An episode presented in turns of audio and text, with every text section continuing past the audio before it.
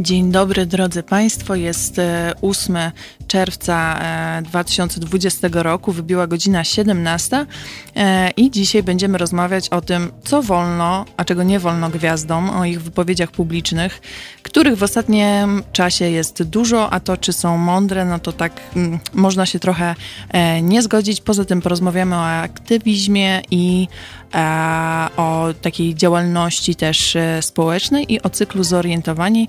E, być może niektórym z Państwa już coś to mówi, e, a tym, którym nie mówi, no to niebawem powie. Zapraszam serdecznie.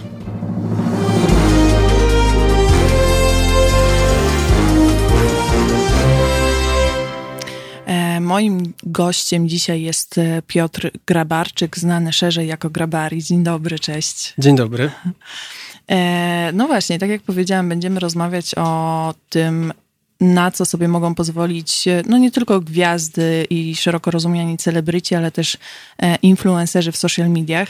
Ja Państwa serdecznie zapraszam do dyskusji. Mogą Państwo pisać na naszym forum, na YouTubie, na e, czacie na Facebooku. E, mogą też Państwo dzwonić pod numer 22 39 059 22 lub pisać na maila teraz małpahalo.radio, do czego serdecznie zachęcam. No właśnie, a propos tych influencerów, bo ja mam wrażenie, że odkąd zaczęła się pandemia, to mamy tu e, po pierwsze wśród influencerów i szeroko rozumianych celebrytów mnóstwo e, ekspertów i ekspertek od e, pandemii e, i od koronawirusa.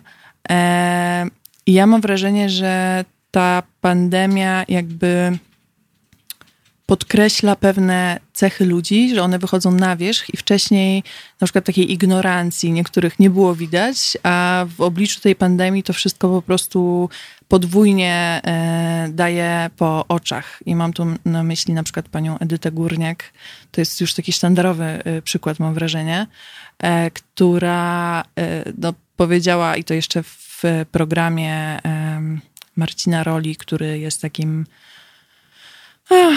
prawicowym trolem i homofobem, um, że, no, że prędzej by się dała rozstrzelić niż zaszczepić. Jak ty na to patrzysz wszystko? No, ta wypowiedź Edyta akurat w pierwszej chwili mnie rozbawiła, bo jeżeli ona chce wykazać, że szczepionki mogą doprowadzić do śmierci, po czym chce się dać rozstrzelać, no to niejako osiągnie ten sam efekt, wybierając którąkolwiek z tych dróg. Ale rzeczywiście ten wysyp celebryckich ekspertów, influencerskich jest bardzo niepokojący, szczególnie w okresie tej pandemii. I nie wiem, z czego on wynika do końca, bo przecież w bardzo wielu przypadkach my znamy tych ludzi już od mhm. lat, wielokrotnie z nimi rozmawialiśmy, wchodziliśmy w różne interakcje jako dziennikarze, fani, publiczność.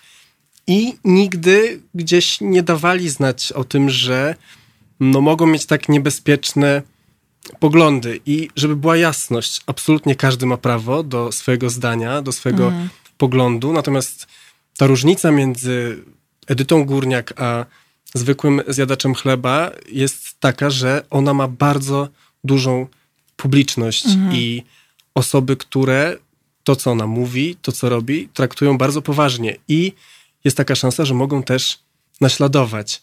To zresztą się stało, mm. bo mhm każda taka wypowiedź celebrytki, niezależnie czy my ją oceniamy jako pozytywną czy negatywną, sprawia, że osoby, które myślą podobnie, zbierają się wokół niej, wybierają sobie ją na jakiegoś takiego ambasadora albo takie potwierdzenie, że to, co oni czują, to, co oni myślą, jest prawdziwe, bo mhm. przecież takie autorytety, takie znane osobistości jak Edyta czy Doda mm, mówią, że tak jest i one się stają patronkami teraz, jak się okazało, ruchów antyszczepionkowych. antyszczepionkowych. List Edyty, bardzo emocjonalny, został odczytany podczas niedawnego protestu. No, to jest sytuacja o tyle groteskowa, co po prostu niebezpieczna, jakby to mnie w tym najbardziej mhm. E, boli. Mówię boli, bo część z tych osób e, lubię, poznałem prywatnie do jakiegoś stopnia, do którego mhm. pozwala mi na to praca. I jestem po prostu rozczarowany, że można ze swojej sławy i popularności mm, robić y, coś takiego i jeszcze w taki sposób, y, wiesz, pod tym płaszczykiem, że mhm. ja mam prawo do swojego zdania. Ja mhm. tylko pytam ludzi, co o tym sądzą, mhm. szerując jakiś mm, katastrofalny po prostu e, film naszpikowany fake newsami, który potem się rozchodzi w sieci dalej, który ja teraz widzę często u młodych ludzi również, jako taki argument e, mhm. w dyskusji, wiedząc, że ani oni, ani ta dana celebrytka nie poświęcili nawet pięciu minut na jakąkolwiek mhm. weryfikację.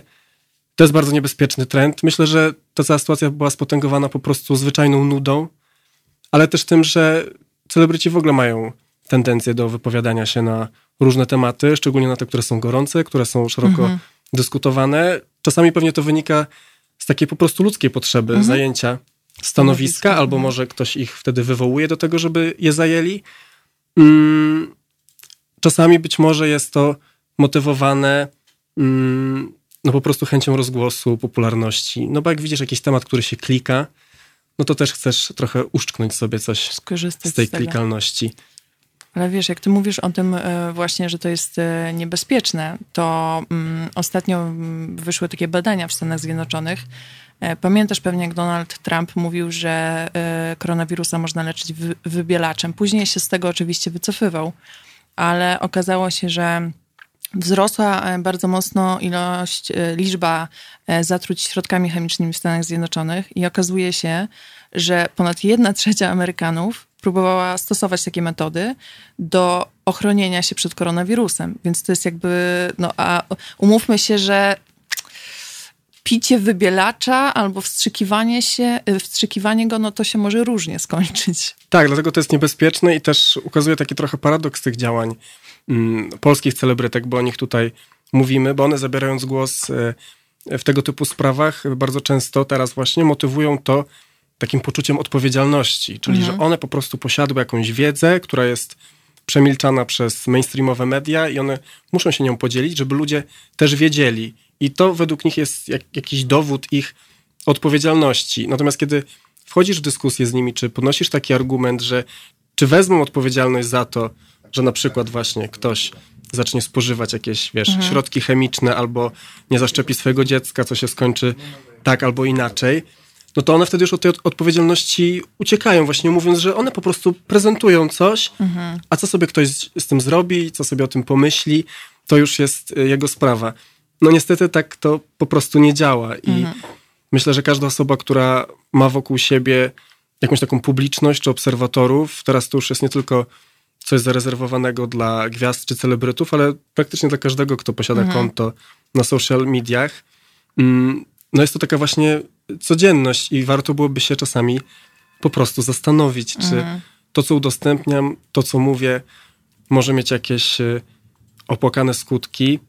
W przypadku celebrytów czy gwiazd jest to o tyle trudne, bo oni przez lata mają pielęgnowane takie poczucie o swojej nieomylności, mhm. bo zawsze, zawsze znajdzie się tłum osób, które będą im e, schlebiać, mówić, że są fantastyczne, wspaniałe i być może tacy ludzie później nie są w stanie, tak wiesz, wyjść z siebie, stanąć obok i spojrzeć na to, mhm. co robią, no bo od lat robią przecież same cudowne rzeczy, są nieomylni, mhm. są wspaniali, więc teraz też podejrzewam, że Edyta czy wspomniana Doda, bo myślę, że one się tak wysuwają na prowadzenie, jeśli chodzi o e, polskie gwiazdy w tej kwestii, mają poczucie, że one właśnie są jakimiś takimi liderkami i one chronią Polaków przed, i tutaj można sobie mhm. wypisać te wszystkie zagrożenia, które ich zdaniem teraz nas e, otaczają i atakują. No właśnie, ale to jest też zastanawiające, bo e, jakby no, koronawirus jest zagrożeniem e, i one też jakby w święcie wierzą, że z kolei te szczepionki na koronawirusa mogą być tym zagrożeniem. No ale jednak funkcjonują jakoś w mediach, słyszą wypowiedzi ekspertów, Mm, nie wiem, i to już jest być może jakiś proces psychiczny czy psychologiczny, którego no nie zinterpretujemy tutaj, bo też nie jesteśmy pewnie e, osobami e, do tego odpowiednimi, ale mnie to po prostu zszokowało. Wiem też, że gdzieś tam właśnie, tak jak mówiłeś, że znasz kogoś prywatnie trochę bardziej, znasz trochę prywatnie e, bardziej Dodę. I podejrzewam, że dla ciebie to też był szok po prostu, że osoba, którą znasz, mówi antyszczepionkowcy są ok, a szczepionki są fuj. Tak, nie było dla mnie, nie był dla mnie szokujący może sam fakt mhm. jej opinii na ten temat, czy stanowiska, bo ona wybrzmiała gdzieś w przeszłości w naszych nawet nie do końca prywatnych rozmowach, bo one odbywały się na Facebooku, ale mhm. to nie był wywiad, czy mhm. jakaś taka, wiesz, funkcja typowo dziennikarska.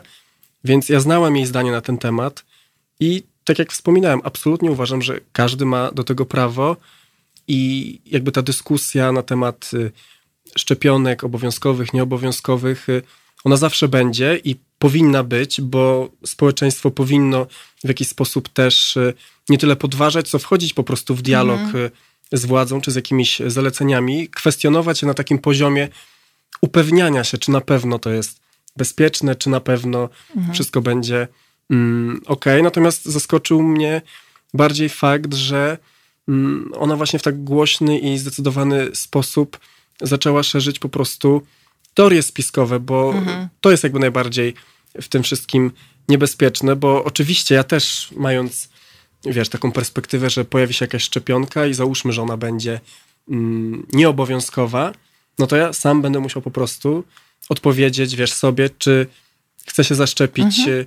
czy nie i na pewno jakby ten wybór będzie poparty jakimś e, procesem właśnie zdobywania wiedzy, konsultacji i tego typu sytuacji. Natomiast y, w ogóle ostatnio ukazał się taki fantastyczny y, artykuł na, mm, nie chcę teraz skłamać, to była bodaj chyba Interia, gdzie właśnie wypowiadał się mm, dziennikarz, który zebrał bardzo dużo materiałów na temat tego, jak w ogóle te szczepionki są teraz y, testowane, mhm. jak są tworzone, jakie są perspektywy. No i to jest takie trochę mocne wybieganie w przyszłość, bo my nie wiemy, czy w ogóle ta szczepionka powstanie, mhm. jakie będą zalecenia y, konkretnych krajów co do ich obowiązkowości. Więc to jest takie trochę podnoszenie larum na temat czegoś, co jest w bardzo odległej perspektywie i protestujemy, nie wiem jeszcze przeciwko czemu. Mhm.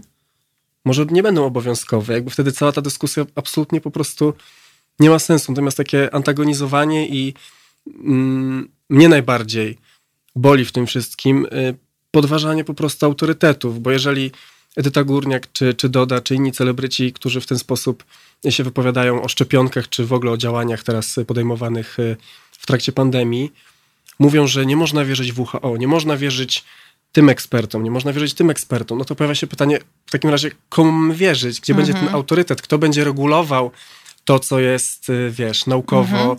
Mm, udowodnione i Y, przekonujące dla nas. No ja bym bardzo nie chciał żyć w takim świecie, gdzie takimi regulacjami będą się zajmowały osoby tworzące filmiki na YouTubie, po prostu. No. I daję sobie na, w całym swoim przekonaniu o, wiesz, mojej rozległej wiedzy na wiele tematów, daję sobie taki margines, że pewnych rzeczy nie wiem, prawdopodobnie ich nie zrozumiem i ufam po prostu mhm. ekspertom, ufam osobom, które poświęcają całe swoje życie na to, żeby badać jakiś konkretny temat, y, czy nad nim pracować i sprowadzanie właśnie autorytetów naukowych do jakiejś grupy, która jest y, skorumpowana i jest jakąś taką grupą trzymającą po prostu władzę, która mm, kolektywnie na całym świecie we współpracy z każdym jednym rządem chce zrobić, wiesz, coś złego swoim obywatelom, bo ktoś chce na tym zarobić, jest dla mnie absolutnie niedorzeczna, mhm. nielogiczna, jakby w samym zamyśle. Natomiast y, oczywiście oglądałem te filmy y, udostępniane przez polskie celebrytki. Nie w całości, nie wszystkie. Mm, no i taki szybki fact-checking, no mówić od razu, z kim tam masz do czynienia, z mhm. bardzo skompromitowanymi naukowcami, lekarzami, którzy próbowali zrobić karierę na fałszowanych badaniach, przez mhm. to byli potem wykluczani Mm, z tych grup, więc y, no oczywiście odpowiedź, wiesz, tych wszystkich ludzi, którzy w to wierzą jest taka, no niewygodna prawda. No pewnie. Jest jakaś spirala po prostu kłamstwa i takiego spisku i szczerze nie wiem, z czego to wynika. Z jednej strony być może z takiego właśnie trochę oddawania swojego losu w obce ręce, że ludzie mają przeświadczenie, że okej, okay, my sobie tu żyjemy, ale gdzieś jest mhm, właśnie mhm. ta władza, jakaś grupa ludzi, która tak naprawdę decyduje za nas. Mhm. No ale z drugiej strony paradoksalnie to, co oni robią, to jest taka próba jakby posiadania tej władzy, nie? No mhm. bo się buntują przeciwko czemuś, co jest im mm, narzucane. To jest niesamowicie ciekawe. Ja staram się czytać dużo mm, wywiadów właśnie z y, naukowcami, którzy sami starają się zrozumieć mhm. jakby, wiesz, ten schemat mhm. myślenia i skąd w ogóle takie postawy wynikają i to jest ciekawe, ale jest też niebezpieczne i tak jak ta pandemia mm, wybuchała i zbliżała się do nas, to czytałem rozmowy właśnie z naukowcami i z ekspertami, którzy mówili, że dobrze, jakby w tej całej jakby złej sytuacji, która się dzieje, dobrze, że w końcu autorytet naukowy zostanie, wiesz, dostrzeżony i umocniony, mhm. bo będzie no, posiadał, niestety. wiesz, jakieś rozwiązania, y, które nam pomogą. A okazało się zupełnie inaczej i ten autorytet jest teraz bardzo mocno osłabiony właśnie przez takie celebryckie głównie y, działania, ale też polityków, bo nawet Donald Trump y, przecież sam często w swoich y, przemowach czy tych y, briefingach prasowych powołuje się właśnie na teorie mhm. spiskowe. No i pytanie właśnie, co dalej? Co no dalej no i jak to będzie wyglądało, bo te ruchy przybierają na sile, one też mm, wzmacniają się tym, że bardzo często te teorie trafiają do ludzi sfrustrowanych, niezadowolonych, na przykład z tego, że jest ten lockdown, mhm. że nie mogą pracować, że cierpią na tym mm, ekonomicznie i w ten sposób gdzieś tam się grupują i wiesz, na Facebooku, jak czasami mi się wyświetli taka grupa, to, to są dziesiątki tysięcy ludzi i tam jakby absolutnie już wszyscy lecą po prostu bez hamulców. Już to mhm. nie wystarczy, wiesz, podejrzenie o to, że rząd, nie wiem, fałszuje statystyki czy coś w tym stylu, bo jakby brak zaufania do rządu jestem w stanie mhm, jakby mhm. zrozumieć i to wytłumaczyć sobie na bardzo jakby prostych e, zasadach.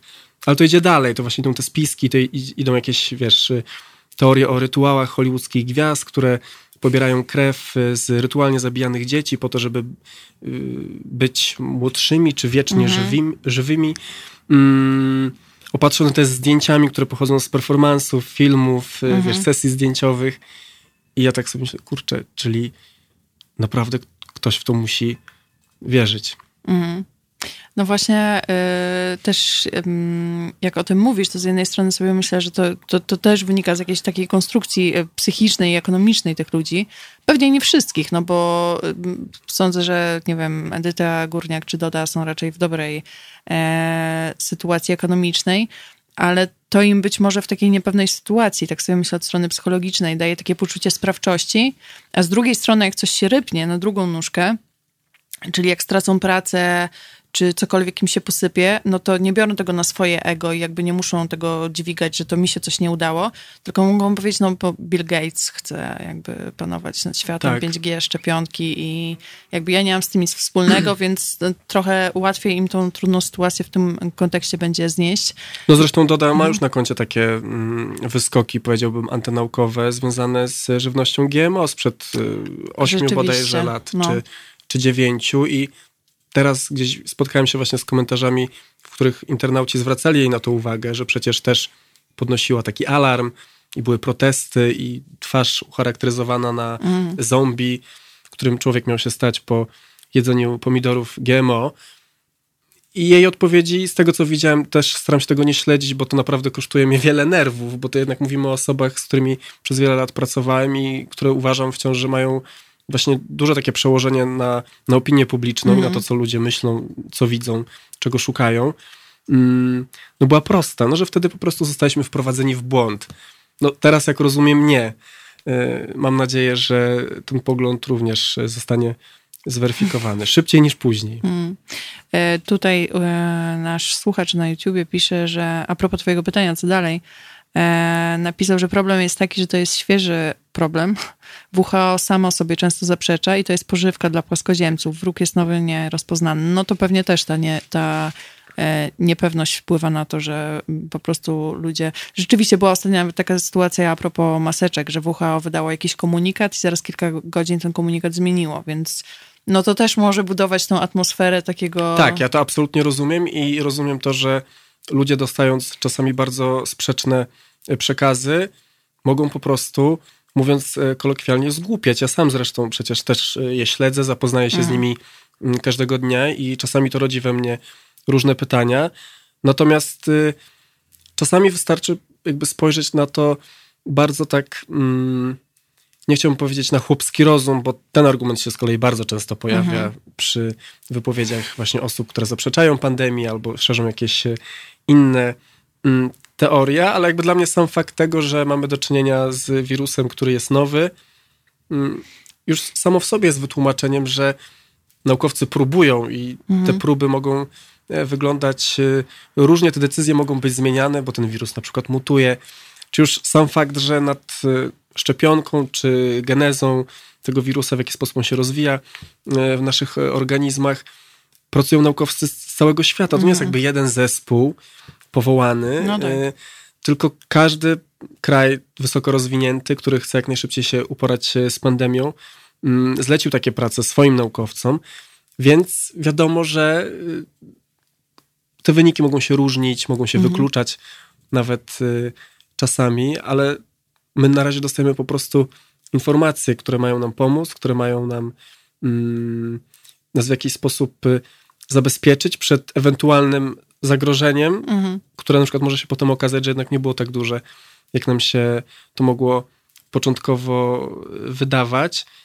No ale jakby cel jest jasny i jeden. I tutaj też wydaje mi się, że ludzie właśnie, którzy są sfrustrowani, szczególnie tym ekonomicznym efektem, mhm. który przyniosła e, pandemia. Ja jakby sam do nich należę. To nie jest tak, że osoby, które wierzą w pandemię, opływają w luksusach i w żaden sposób ich ta pandemia nie mhm. dotknęła, wręcz przeciwnie. Mm, nie oddzielają jakby pandemii jako zjawiska od tego, jak dany rząd sobie po prostu z nim radzi. Mhm.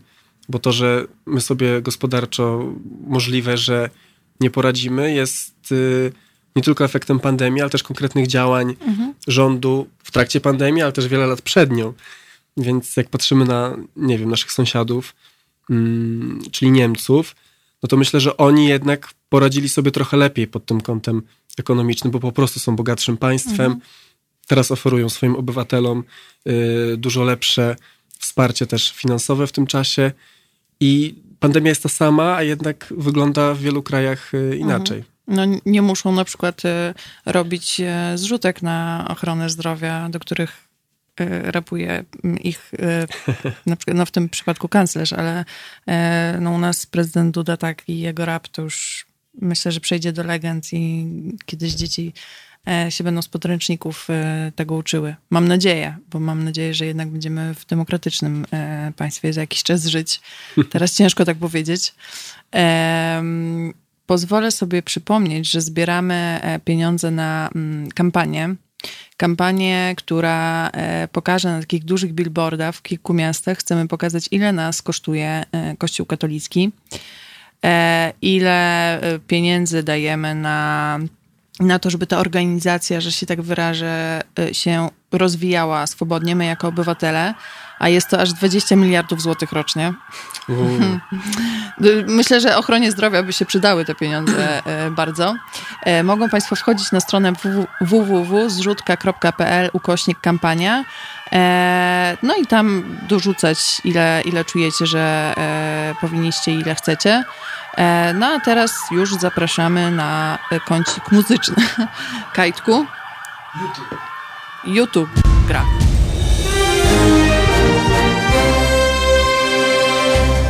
Halo Radio. Gadamy i trochę gramy.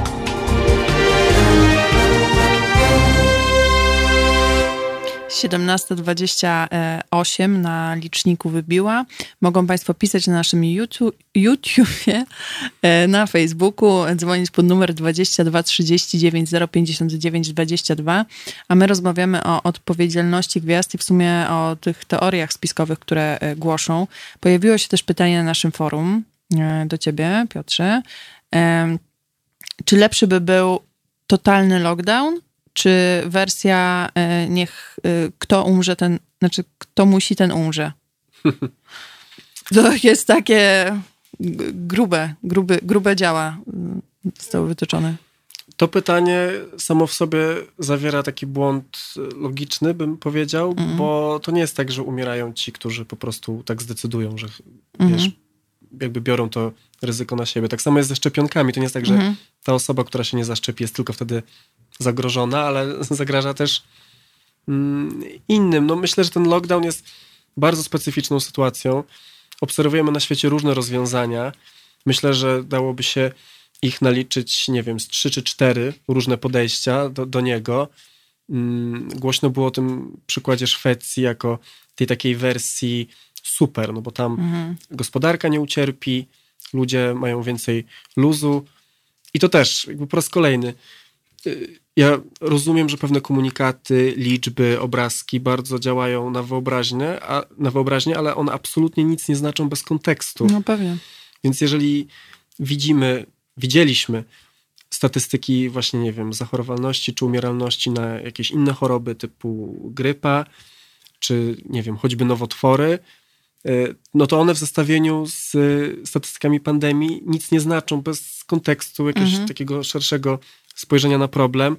Tak samo teraz karierę robią na mm, Facebooku, przynajmniej niestety, może to nie, nie świadczy dobrze o ludziach, których mam na Facebooku. Statystyki przestępczości w Stanach Zjednoczonych, jeśli A. chodzi o osoby czarnoskóre, i to też jest taki, wiesz, jakiś wycinek po prostu większej całości.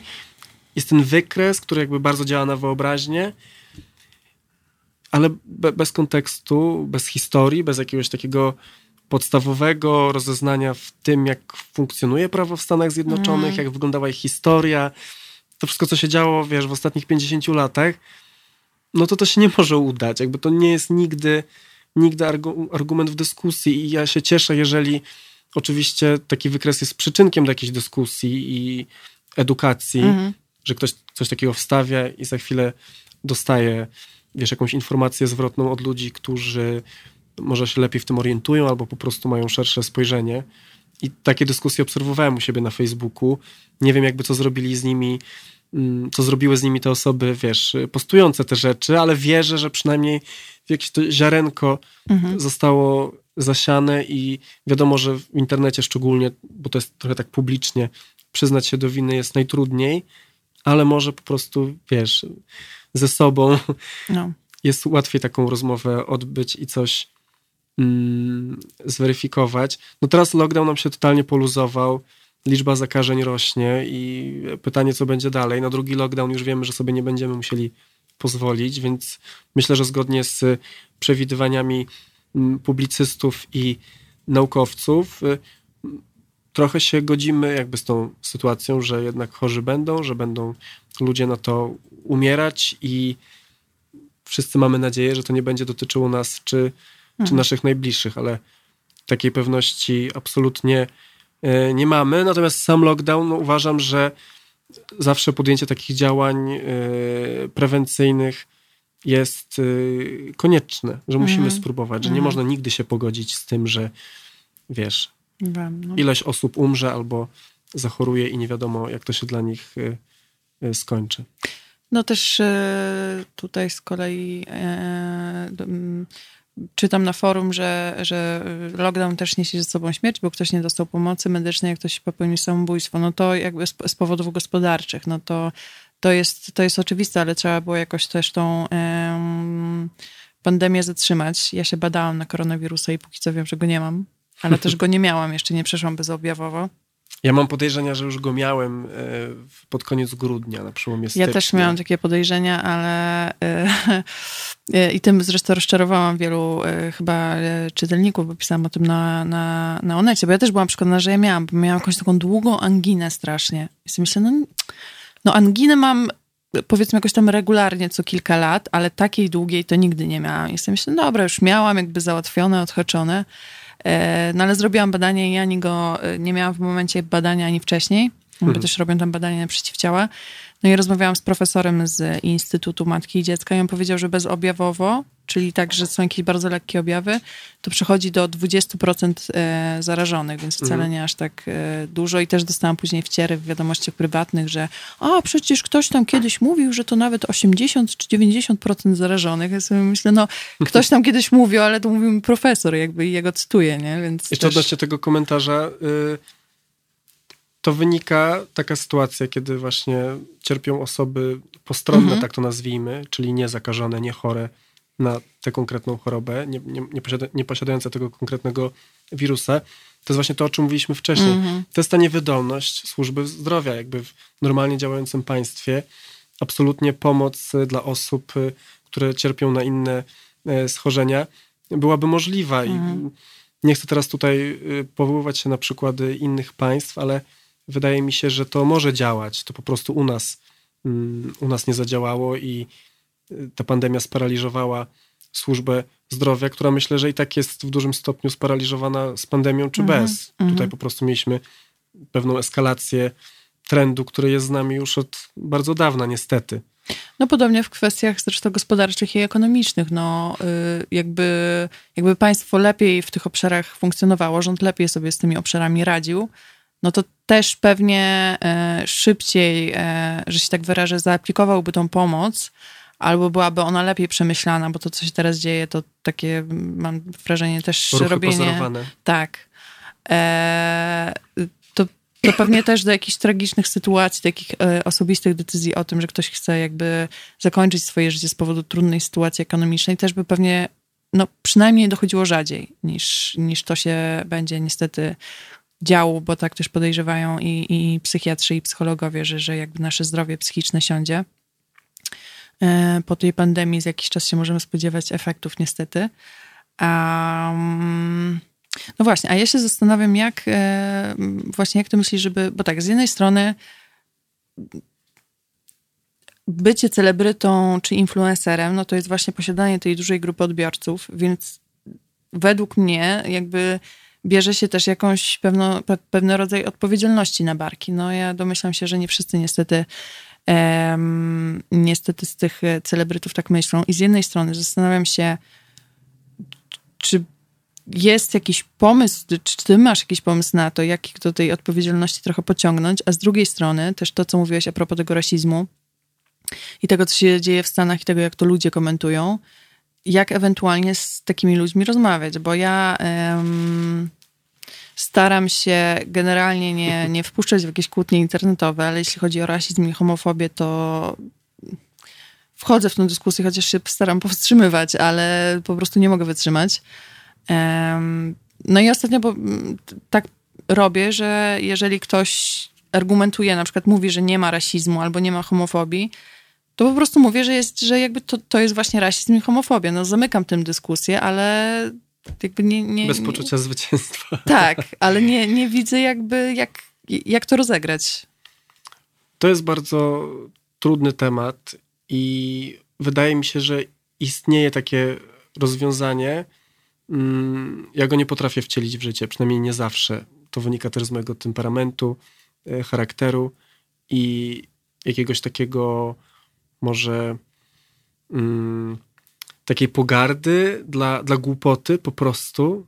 Czasami Mhm. bez zastanawiania się, skąd ona się bierze, skąd ona e, wynika. Natomiast w takim idealnym świecie, gdzie mm, te nerwy nie biorą góry, mm, wydaje mi się, że najlepsza jest po prostu żmudna edukacja. I to taka naprawdę, która nam się nigdy nie może znudzić, ani nie może nas zmęczyć. I bardzo merytoryczna przede wszystkim, bo osoba, która w coś wierzy, i tutaj mówimy o osobie, która wierzy właśnie w jakąś teorię spiskową czy fake newsa, najgorsze, co możemy zrobić, co ja niestety robię też i łapię się na tym po fakcie i potem bardzo tego żałuję, jest wyśmiać taką osobę. Mhm.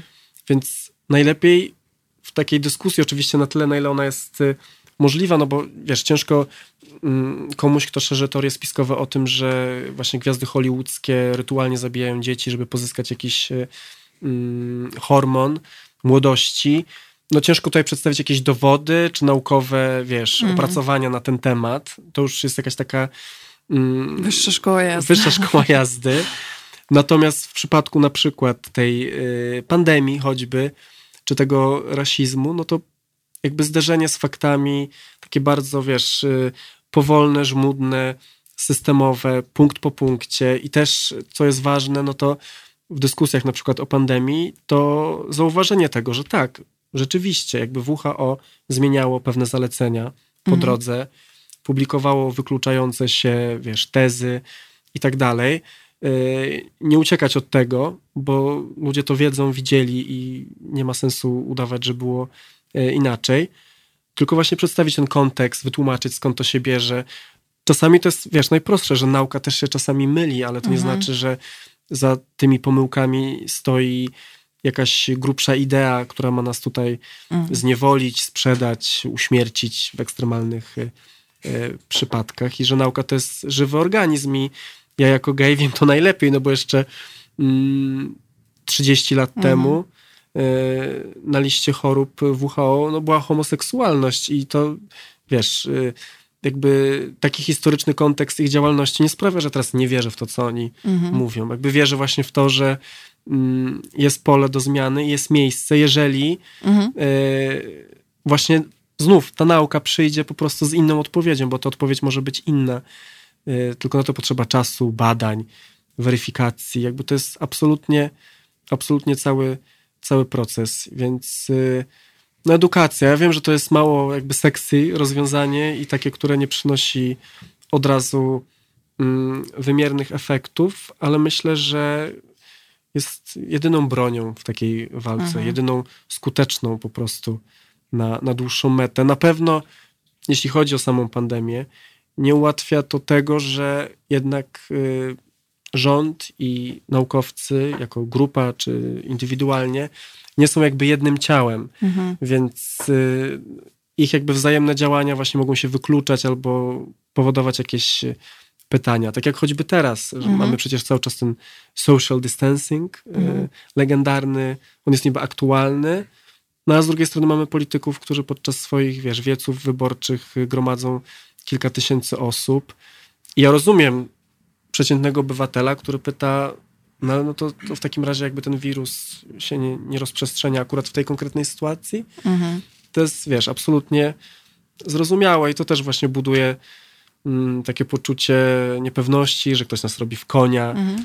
że to wszystko jest zmyślone, skoro dostajemy takie sprzeczne komunikaty. No jakby te czynniki zewnętrzne absolutnie nie pomagają. No właśnie też sobie myślę, jak o tym mówisz, że... Yy to też jest problem, bo mamy po prostu w Polsce, pewnie no jakby w innych krajach, biorąc za przykład Trumpa też, ale że mamy po prostu nieodpowiedzialnych polityków, mm, którym bardziej zależy na takiej grze kampanijnej, tutaj teraz przed wyborami prezydenckimi, e, niż na tym, żeby dawać, no właśnie, te spójne komunikaty, więc jeśli e, ta, ta klasa polityczna coś takiego robi, no to to dlaczego inni ludzie by nie mieli e, robić? Ja już widziałam e, ludzi, którzy na przykład w małym sklepie się poruszają bez maseczki, mimo że ten obowiązek jest.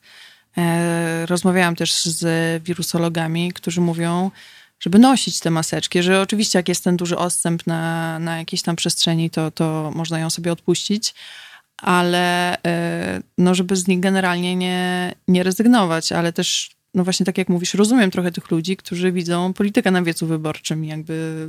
I tłum ludzi też mhm. bardzo często bez tych e, maseczek. No właśnie, bo to wszystko sprowadza się do tego, że nie trzeba zaprzeczać pandemii, tylko trzeba widzieć po prostu, co z pandemią robi rząd. I to nie znaczy, że ona wtedy nie istnieje albo jest mhm. wymyślona, czy została stworzona po to właśnie, żeby ten rząd mógł to robić, tylko to jest tylko i wyłącznie efekt ich działań są pewne zalecenia, są jakieś stanowiska naukowców, które, które można brać pod uwagę, albo nawet trzeba mm. w niektórych sytuacjach, ale to, w jaki sposób nimi operuje dany rząd, no to to jest czysta polityka, bo oni zawsze mm. będą robić, czy to z pandemią, czy z jakimiś katastrofami naturalnymi typu powódź, zawsze coś, co ma jakby sprzyjać ich interesowi. Mm. Choć oczywiście powinno chodzić o interes obywateli, ale no wiemy, jak polityka działa i tutaj nie ma absolutnie żadnych złudzeń, więc y, rozgraniczajmy po prostu zawsze mm. jakby te, te, te dwie rzeczy i ja się mogę z kimś zgodzić, że lockdown mógłby wyglądać inaczej, czy jakieś rozwiązania gospodarcze mogłyby wyglądać inaczej, ale no nie zgodzę się jakby z tą tezą forsowaną tym, że mm, pandemii nie ma, wirus nie istnieje i to jest mhm. coś, co ktoś sobie wymyślił, żeby no nie wiem, coś z nami zrobić. Odpowiedzi tutaj jest, podejrzewam, wiele. Mm, tak. E, tutaj na naszym czacie e, użytkownik o niku Mirko Milecz pisze, że wiedzę na temat wirusologii mają, e, mają wirusolodzy i ja im wierzę w przeciwieństwie do antyszczepionkowców. No fajnie, żeby wszyscy mieli takie podejście, ale niestety no, świat nie wygląda tak kolorowo. Jest rzeczywiście coraz więcej, przynajmniej coraz, coraz bardziej widoczni są ci antyszczepionkowcy, bo w sobotę jak wracałam z, z protestu, e, jakby popierającego te protesty, które się odbywają teraz w Stanach Zjednoczonych, to mijałam też tych antyszczepionkowców z takimi koszulkami, mhm. z przekreślonym Billem Gatesem na koszulce i że y, nie zabijajcie nas tym 5G i szczepionkami. I w, w ogóle też zauważam, że te ich komunikaty są takie dość agresywne, y, y, chociaż to już jest pewnie jakby temat trochę, trochę na inną opowieść. Czy ja absolutnie rozumiem każdego, kto chce odpowiedzi na pewne pytania, Mhm. kto chce mieć właśnie to, to poczucie sprawczości, kto pyta po prostu, Mhm. czy nie możemy tych szczepień, nie wiem, tuż po urodzeniu dziecka jakoś rozłożyć w czasie, bo z tego, co czytałem, to są jakieś takie główne Mhm. mm, postulaty, ale jeżeli osoby, które w takim ruchu działają, dopuszczają właśnie tego typu akcje jak y, 5G czy autyzm y, po szczepionce, no to deprecjonują samych siebie i to jest tak jak z tymi protestami y, przedsiębiorców, które ja jakby ideologicznie i tak w czystej teorii mm, wierzę, bo jakby wierzę w to, że musimy mieć y, Mhm. taki, wiesz, aparat po prostu protestu i wyjść na ulicę i powiedzieć, słuchajcie, no nie radzicie sobie z tą pandemią, Mhm. padają nam firmy, zróbcie coś. Ale jak widzę tam ludzi właśnie z y, tymi flagami, że pandemia nie istnieje, że 5G, no to przykro mi, panowie i panie, ale nie potraktuję was poważnie i nie przyjdę was wesprzeć y, wtedy. Tak, no Mimo, że jakby z tym takim, jakimś takim bazowym Mhm. postulatem się zgadzam albo jest, jestem, wiesz, za dyskusją na ten Mhm. temat. Tak cała reszta to po prostu rujnuje. I zastanawiam się, z czego to wynika. Czy my nie potrafimy rozmawiać e, w taki, wiesz, letni sposób, tylko musimy działać na takich obrotach bardzo ekstremalnych i nie możemy po prostu zadać kilku pytań o pandemię, czy o zasadność pewnych działań, tylko od razu trzeba w to wciągać, wiesz, ten spisek i Mhm. jakieś większe zło, które na nas czeka. Wydaje mi się, że możemy, że potrafimy, bo przynajmniej wiem to z rozmów, które toczę ze swoimi przyjaciółmi czy, czy w domu, że takie pytania są, to jest naturalne, że one się pojawiają, Mhm. nie? Tylko jak my to wszystko komunikujemy, w co to, Mhm. wiesz, obudowujemy, żeby nas ktoś potraktował poważnie, no, no bo poważne rozmowy wymagają jednak poważnych No argumentów. właśnie, bo to jest trochę ym, to, co, to, to, co oni robią. Yy, też nie chcę robić jakiegoś monolitu z tej grupy, bo to są pewnie różne osoby, ale jest takie kontrproduktywne, no bo protesty rozumiem i to jest użyteczne jakby narzędzie obywatelskie, e, ale jeżeli dołączają do tego tych mnóstwo teorii spiskowych, no to większość polityków powie, no jakby nie mamy z czym dyskutować, bo to są jakieś osoby oderwane od rzeczywistości bardzo mocno, więc e, widzę, że jakiś telefon chyba mamy, e, że, że właściwie po co, e, po co to e, robić. Teraz się dowiemy, czy to do nas, czy może nie do nas. E, dzień dobry, słuchamy pani Anatolu. Y, Dzień dobry, ja mam pytanie do gościa, ponieważ Mhm. na czacie, no niestety, e, znawcy tematu unikają odpowiedzi na moje pytanie. No może pan, mimo że jest pan tylko dziennikarzem, ale wypowiada się pan do, dość sensownie na temat e, e, pandemii. I pytanie moje nie dotyczy pandemii aktualnej. Mhm. Chodzi mi o to, czy y, osoba zaszczepiona może zachorować i czy może zarażać? Proste pytanie. Ale mówimy teraz o szczepionce na jaką konkretną? Jakąkol, jakikolwiek wirus, jakikolwiek, grypa, nie może, wiem, może, odra, może, ale to jest dużo mniej prawdopodobne. Tak, ja sam byłem szczepiony na grypę wiele, wiele, chciałem powiedzieć wiele, nie aż tak wiele, z 7 lat temu. Mhm. No i potem przechodziłem przez tą grypę, delikatnie, ale, ale jednak. Więc wydaje mi się, że jest takie e, prawdopodobieństwo i to też właśnie trochę mm, znowu, i to obie strony są Mhm. absolutnie winne w tej dyskusji, e, tej narracji takiej ekstremalnej, czyli z jednej strony, jedna strona mówi szczepionki nie, bo one zabijają, powodują choroby, a z drugiej strony ta grupa, która jest pro, mówi nie, szczepionki są najważniejsze, Mhm. jakby zupełnie ignorując właśnie te aspekty takie, które no po prostu są i zawsze będą, Mhm. czyli jakieś skutki uboczne, możliwe w jakimś tam procencie, czy tak jak teraz ta sytuacja, o której mówi tutaj pan, że y, mimo zaszczepienia No, można zachorować. Zdarza się, czy bo można... to nie daje 100% Tak. pewności. No, Więc my jakby ostatecznie... oczywiście i można zarażać. no tak, jest jedynym- takie... Sensownym, sensownym rozwiązaniem jest izolacja, która nawet w obecnej sytuacji daje w zasadzie 90% dowodów na to, że Mhm. izolacja jest właściwym Y, rozwiązaniem. No dzisiaj właśnie pojawiły się takie wyniki y, badań, niestety nie, nie zacytuję dokładnie czyich, bo przeczytałem to w drodze mm, tutaj, że oszacowano, że lockdown w Stanach mhm. Zjednoczonych pozwolił na uniknięcie zarażenia i też potencjalnych jakichś tam gorszych konsekwencji y, tak.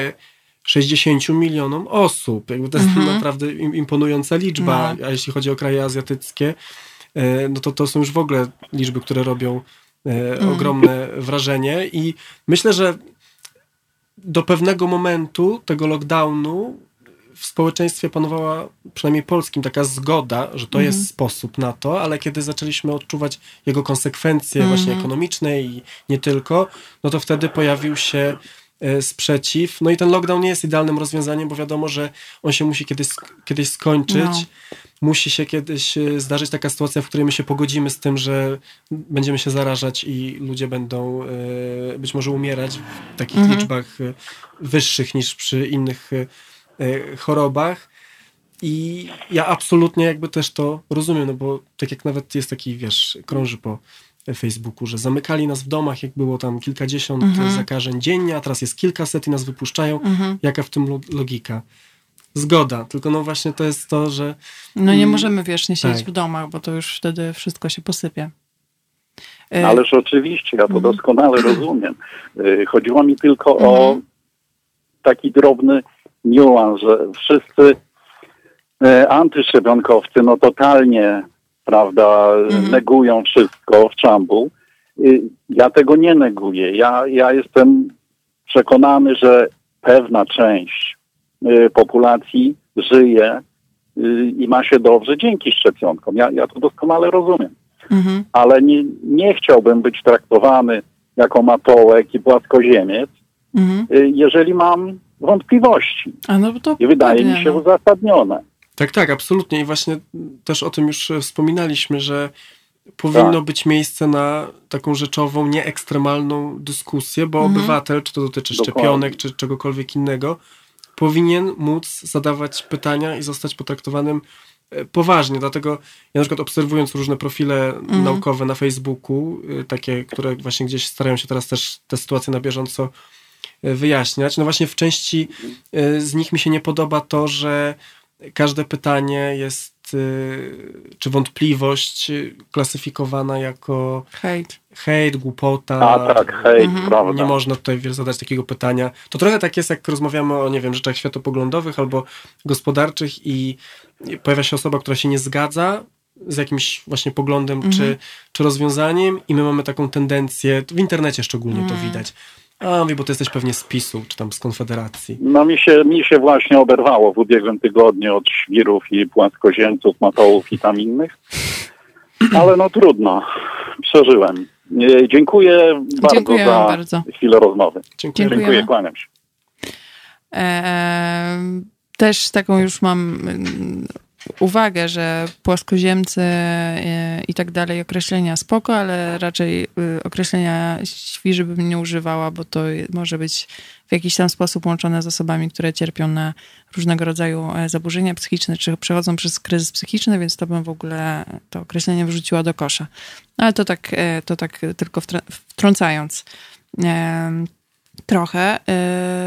No właśnie, ta edukacja jest ważna i w ogóle to, to co mówimy o tych naukowcach, to też mi przypomina, bo w ten weekend oglądałam um, film Możemy panikować. Mhm. E, nie wiem, czy widziałeś tak. tam. Mhm.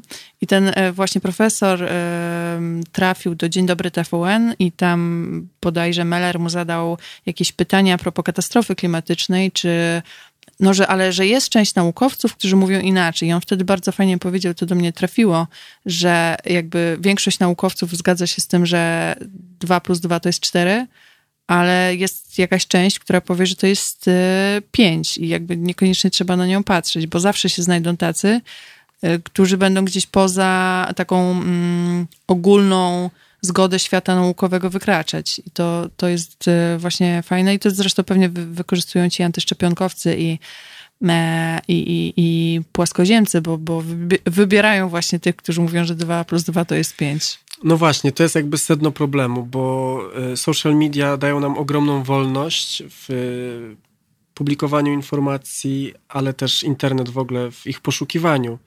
Tylko pytanie, czy my szukamy, żeby się czegoś dowiedzieć, czy szukamy po to, żeby się upewnić w tym, co Mhm. już myślimy? No bo naprawdę możemy sobie tak tutaj na miejscu teraz zadać jakieś najbardziej abstrakcyjne pytanie albo postawić najbardziej atrakcyjną tezę i zapewniam cię, że znajdziemy jej uzasadnienie w internecie gdzieś. Na pewno jest ktoś, kto też o tym pomyślał. Być może jest jakiś naukowiec, który przyglądał się temu problemowi z takim założeniem i nam to potwierdzi. Tylko Mhm. pytanie, czy to oznacza, że wiesz, ja i ta druga osoba ma rację, czy jednak nie? I dawanie sobie takiego prawa do, do pomyłki. Ja też tocząc siłą rzeczy dyskusje, których nie powinienem toczyć, bo nie mam, wiesz, odpowiedniego ani wykształcenia, ani, ani wiedzy, ale jednak siadając do rozmowy z kimś, nawet takiej internetowej, zaczynam czytać, googlować, e, sprawdzać, mm, czegoś się uczę. I Mhm. wychodzi na to, że pewnych rzeczy mogłem nie wiedzieć albo mieć, wiesz, błędne e, przekonanie na ten temat i dajmy sobie prawo, e, żeby się mylić, ale no właśnie ta dyskusja musi być po prostu racjonalna, Mhm. bo jeżeli komuś przedstawiasz wyniki badań i ktoś ci mówi, że no nie, bo one są, one są zmanipulowane, bo to jest jakaś skorumpowana, skorumpowane WHO mm, albo coś w tym Mhm. stylu, no to już tego miejsca na dyskusję za bardzo nie ma. A jeszcze a propos takich właśnie badań, które mnie bardzo zaciekawiły, które też pokazują taką pewną e, tendencję. e, Osoby, które szerzą teorie spiskowe, czy jakieś takie, wiesz, rozważania, Mhm. którym nauka wprost zaprzecza, mm, mają tendencję do tego, żeby podkreślać właśnie swoją wiedzę na ten temat, że oni czytali i Mhm, mhm. bardzo dużo na ten temat wiedzą i to już nie jest tak, że w jednym miejscu, tylko w 10, w 20, w 30. Ostatnio pojawiły się badania, które były robione w Stanach Zjednoczonych, Niemczech i Francji dotyczące właśnie żywności GMO, Mhm, mhm. o której wspominaliśmy wcześniej. I te badania wykazały, najbardziej chyba to było widoczne wśród konsumentów y, w Stanach Zjednoczonych, że osoby, które były najbardziej przeciwko, najmniej wiedziały Mhm.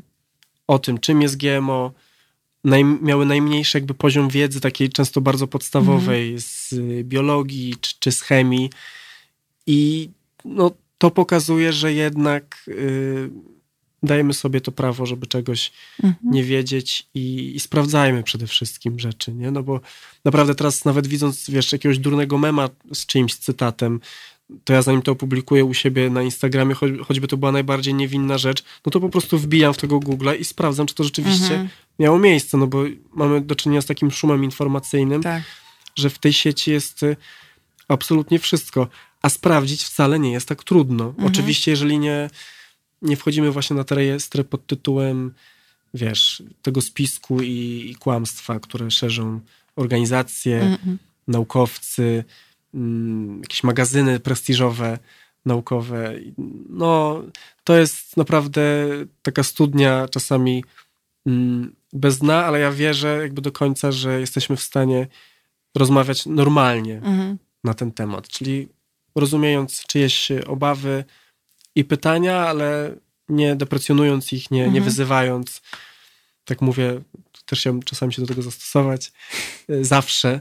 Mm, I tłumaczyć, po prostu Mhm. tłumaczyć i, i pokazywać, że jest y, inaczej, jeżeli jest. Bo jeżeli Mhm. się okaże, że wiesz, z kimś się tam w jakiejś kwestii nie zgadzamy, a nie mamy racji, no to przyznajemy się do błędu. To boli bardzo, wiem to sam po sobie, Mhm. ale warto, warto to jednak zrobić. E, No to tak, to jest prawda, że każdemu się zdarza y, mylić. Ja też y, miałam ostatnio w sumie taki promyk nadziei, bo napisał do mnie jakiś na, na fejsie koleś a propos też tej e, sytuacji obecnej w Stanach Zjednoczonych i też sytuacji z osób LGBT w Polsce i, i tego marszu w Białymstoku.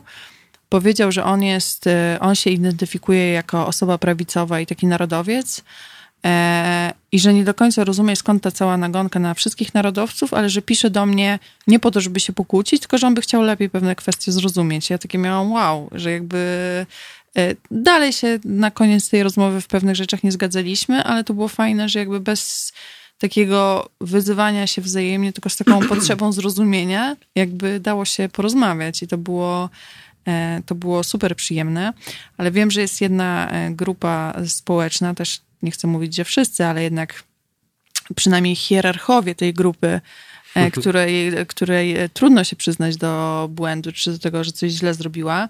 E, i jest to e, Kościół katolicki w Polsce. Jeżeli Państwo chcą, żeby więcej osób e, wiedziało o tym, co Kościół katolicki robi, ile nas kosztuje, to mogą Państwo wchodzić na stronę www.zrzutka.pl ukośnik kampania i my dzięki w ten sposób zebranym pieniądzom opowiemy w dużych miastach w Polsce za pomocą billboardów, ile kosztuje nas Kościół katolicki, więc serdecznie zachęcam do do wpłacania pieniędzy e, na ten cel, a teraz TLC.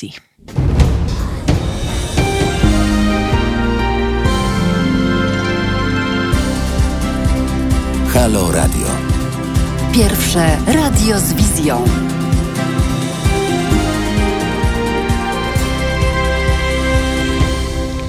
18.05. Karolina Rogaska przy mikrofonie, ze mną w studio Piotr e, Grabarczyk, dziennikarz. Rozmawiamy sobie o teoriach spiskowych, e, o celebrytach, o pandemii, o rasizmie, e, o homofobii, o jakby zakres tematyczny tutaj jest bardzo mm, szeroki. The best of. Tak, The Best of 2020. Jeszcze gdzieś o pożarach w Australii powinniśmy wspomnieć. Mamy po prostu bingo. Właśnie, powiedziałaś o edukacji, o tym, że, że, że, że ta edukacja jest ważna. I ja to zresztą obserwuję często wnioskiem z dyskusji, jeżeli rozmawiam o jakichś rzeczach trudnych, e, no, które są jakimś takim społecznym problemem, który trzeba rozwiązać, no to pojawia się ta edukacja, e, która e, już pomijając to, że jest u nas zlewana w kraju, a przynajmniej prowadzona w taki sposób, że tworzy się jakieś takie poczucie takiego wyścigu szczurów. Zresztą prowadzisz też e, warsztaty z, z młodzieżą, pewnie też wiesz, jak to, jak to od tej drugiej strony wygląda. Ja też jakiś czas temu e, trochę więcej z młodzieżą e, rozmawiam e, i z, z, z, ludźmi ze Stowarzyszenia Umarłych Statutów, którzy robią super roboty w obronie praw uczniów. E, no właśnie, ale zawsze wnioskiem z tych dyskusji jest ta edukacja, że ją trzeba zmienić, że trzeba więcej edukować, jakby to jest podstawa i wszyscy się w, tym, w tej kwestii zgadzają, a niewiele się e, jednak dzieje. Mm, no ale trochę na swoim YouTubie się starasz coś takiego robić. Masz taki cykl zorientowani, który, e, który przez długi czas, chyba prawie dwa lata prowadziłeś, zrobiłeś sobie przerwę, no a teraz jest miesiąc dumy. E, i, i cykl e, wznowiłeś. Właśnie, jakbyś mógł o nim parę słów powiedzieć, co to jest, e, z czym to się je i czego tam możemy się spodziewać. Cykl Zorientowani narodził się z takiej potrzeby aktywizacji tej części mojego życia, która była dotąd pracą i, rozrywką, czyli pracy z celebrytami. I zauważyłem wcześniej, przed jeszcze jego rozpoczęciem, że praca z nimi, taka społeczna, czy aktywizowanie ich właśnie w taki sposób, żeby mm, wypowiedzieli się na jakiś temat, czy udzielili wsparcia e, jakiejś sprawie, czy w tym mhm. wypadku kon konkretnej mniejszości, przynosi bardzo dobry skutek na takim najbardziej podstawowym poziomie, czyli widoczności, że po prostu temat zaczyna istnieć mhm. w mainstreamowych mediach i jakby też przekonałem się o tym po prostu pracując jako dziennikarz, wtedy jeszcze dla e, konkretnej redakcji, że nikt nie wziąłby ode mnie wywiadu, wiesz, z aktywistką czy, czy z kimś mhm. takim, ale już z celebrytką i na przykład aktywistką do tego mhm. dorzuconą, jak najbardziej. Więc y, zdałem sobie sprawę, że celebryci, mimo że wiele gorzkich słów padło pod ich adresem dzisiaj, mogą być dobrą taką platformą mhm. edukacyjną właśnie z uwagi na to dotarcie, które mają do naprawdę ogromnego, ogromnej rzeszy ludzi. I wymyśliłem sobie taki cykl na, e, YouTube, na YouTubie, żeby zapraszać tam e, celebrytów, e, takich, którzy albo sami są LGBT, albo tacy, którzy deklarują się jako sojusznicy, albo tacy, którzy wiem, że są sojusznikami, ale jeszcze nigdy nie zabrali jakoś tak może super, mhm. wiesz, głośno mm, swego głosu. I chciałem też przy okazji tego, że ktoś do mnie przyjdzie zobaczyć sobie właśnie tam Michała Piruga, Mhm. Rozenek czy, czy Dodę, żeby jeszcze mu tak dorzucić jakąś taką bardzo konkretną Mhm. wiedzę pigułce, która być może obali jakieś mity czy przekonania, Mhm. które do tej pory o społeczności LGBT mm, krążyły. No i tak to się narodziło, oczywiście jakby w toku tego wszystkiego pojawiły się też tam mm, nie tylko zorientowane materiały na celebrytów, ale e, takie dotyczące trochę mojego życia, trochę jakichś takich przemyśleń moich, e, prywatnych, e, kwestii dotyczących e, jakby osób e, stricte ze środowiska i Mhm. naszych problemów, z którymi się Mhm. mierzymy, jak każda społeczność, taka wiesz, e, mm, nie, nie, nie, nieoficjalna, no bo to tak mówi się społeczność, nie mamy tam żadnych, Mhm. wiesz, meetingów, ale y, jakoś tam przynależymy do niej Mhm. po prostu. Mm, no i tak, trwało to właśnie prawie dwa lata, potem sobie zrobiłem e, przerwę. Teraz jest taka reaktywacja z okazji miesiąca dumy i czuję taki właśnie zapał, trochę się stęskniłem Mhm. e, za tym cyklem i być może on nie zawsze kończy się jakimiś takimi spektakularnymi sukcesami, jeśli chodzi o oglądalność, ale o ile to mnie kiedyś bolało, jeszcze jak pracowałem właśnie w tych redakcjach albo robiłem takie materiały typowo showbizowe, to te statystyki robiły na mnie takie wrażenie Mhm. mm, duże, albo negatywne, albo pozytywne, w zależności co tam wiesz, na liczniku się wykręciło. Natomiast tutaj tak nie jest z bardzo prostej e, przyczyny, bo dostaję feedback od ludzi, którzy to oglądają i on jest bardzo dobry w większości. To są często też takie historie, kiedy ktoś mówi mi, co mnie najbardziej wzrusza absolutnie, że używa tych materiałów na przykład do oswojenia y, swoich najbliższych, y, rodziców. To jest jakaś taka forma tego takiego trochę mm, tańca, który osoba LGBT na przykład przed coming outem robi, żeby się rozeznać w terenie. Mm, Albo, że ktoś po prostu zmienił zdanie na jakiś temat, y, skonfrontował się z jakimś poglądem, który miał i, i go zmienił. Mm, I to jest takie fajne paliwo absolutnie do, do działania, bo wiem, że ludzie po prostu szukają takich, y, szukają takich treści. Nawet jeżeli to nie są tysiące osób czy miliony, to jednak do kogoś to trafia i komuś to, komuś to pomaga. I jeżeli mogę to robić i mi to sprawia przyjemność, bo to też jest tak dziennikarsko po prostu super, wiesz, super sprawa, y, to czemu nie? No i teraz właśnie z okazji Miesiąca Dumy jest reaktywacja. Pomysł na ten nowy sezon, tak to nazwijmy, jest taki, żeby tutaj trochę oddać głos y, aktywistom. I mam plan zapraszać właśnie ludzi z y, przeróżnych polskich organizacji LGBT i z nimi rozmawiać y, o ich pracy, o nich, o wiesz, wyzwaniach, y, które mm, są przed nimi stawiane każdego dnia.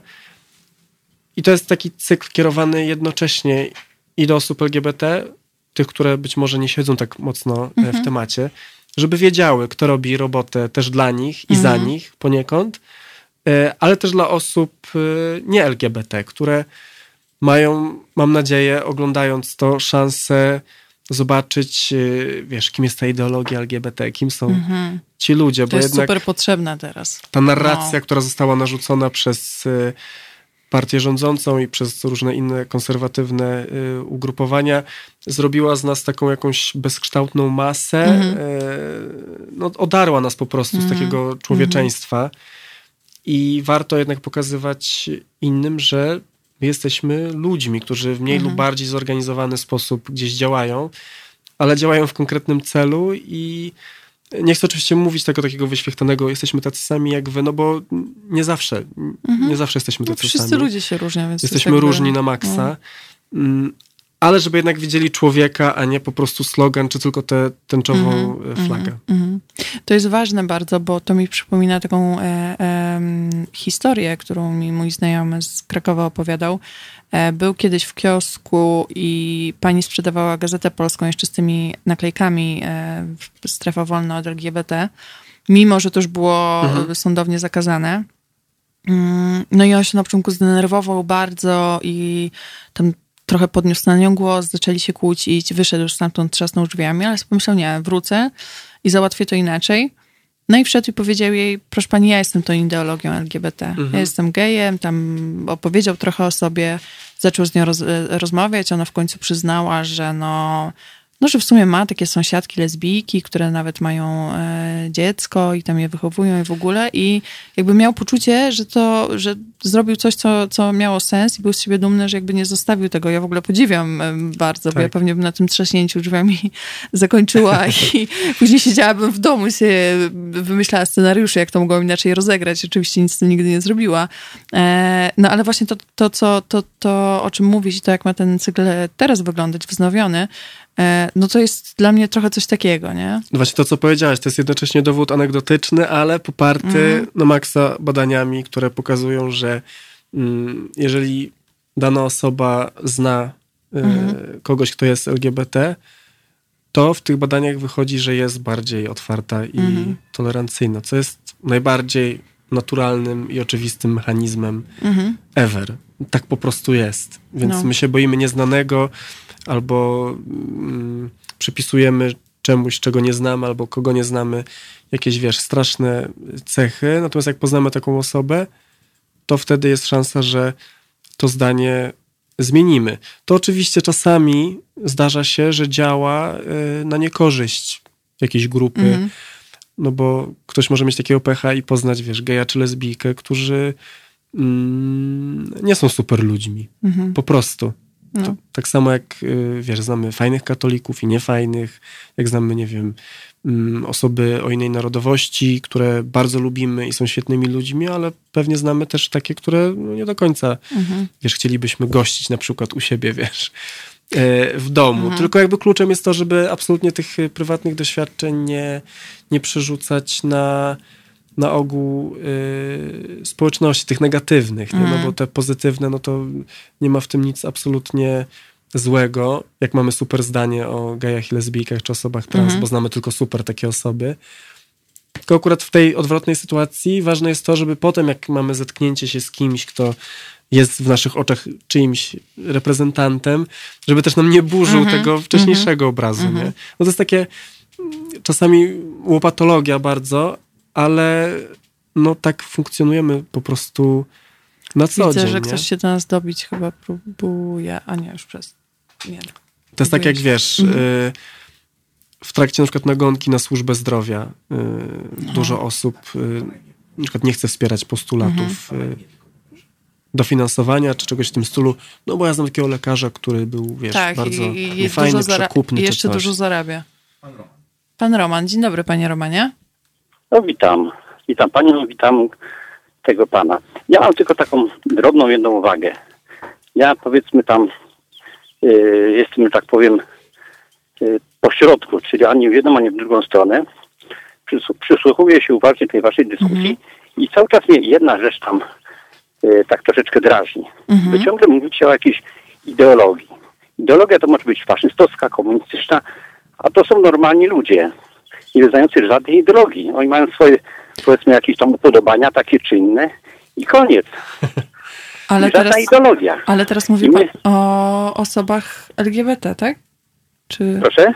E, pan teraz mówi o osobach LG- LGBT, czy jeszcze jesteśmy przy Tak, antyszczepionkowcach? tak, nie, bo akurat o tym jest dyskusja, więc My ja się nie absolutnie z panem słowa, że to jest jakaś ideologia. To zgadzamy. jest coś normalnego. Komunizm może być nienormalny, faszyzm może być nienormalny, ale to jest coś normalnego, powiedzmy, w takim czy innym procencie występujący w populacji. I nie można tego nazwać jakąś ideologią, bo w to się nie wierzy. To po prostu jest. My mówimy, innego się coś wierzy, coś się powiedzmy yy, wyznaje, ale tu się niczego nie wyznaje i nic się nie wierzy. To są fakty, prawda? Więc o faktach się nie mówi, że to jest ideologia. my to mówimy w takim cudzysłowie, y, bo, bo taki termin był używany przez, y, przez TVP i dlatego jakby się do tego odnosimy, żeby Tak, tak. właśnie pokazać. Ale tutaj że... absolutnie się z panem e, zgadzamy i byłoby super, gdyby właśnie wszyscy mieli takie podejście Tak, mm, tak. do tego. Ale, ale, ale ja właśnie mówię, jeżeli się w TVP mówi, czyli w Szczuni, to nie znaczy, że trzeba ich w tym utwierdzać. No my mówmy o, o rzeczach, które są e, takie, jakie są, a nie takie, jakie oni wymyślili. Tak. Bo to oni wymyślili jakąś Tak, ideologię, tak, prawda? tak, tak, a my tak, powtarzamy za nimi. Tak, my A my teraz... mówmy o tym, Mhm. że to jest coś normalnego i wszystko. Tak jest, I my w to nie wierzymy. Tylko my, my w tym jesteśmy po prostu i koniec. super. Dokładnie. Bardzo, bardzo dziękujemy za ten... To ja bym tylko ten... Tak, taką uwagę drobną. Dziękujemy. Miłego dnia życzę, kłaniam się. Do Miłego widzenia. dnia. Dziękuję.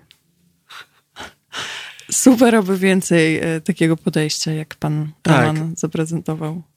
Ale myślę, że to jest takie bardzo uniwersalne podejście i one nie dotyczy tylko osób y, LGBT, ale po prostu musimy widzieć y, człowieka w tym wszystkim, cokolwiek, wiesz, y, to jest.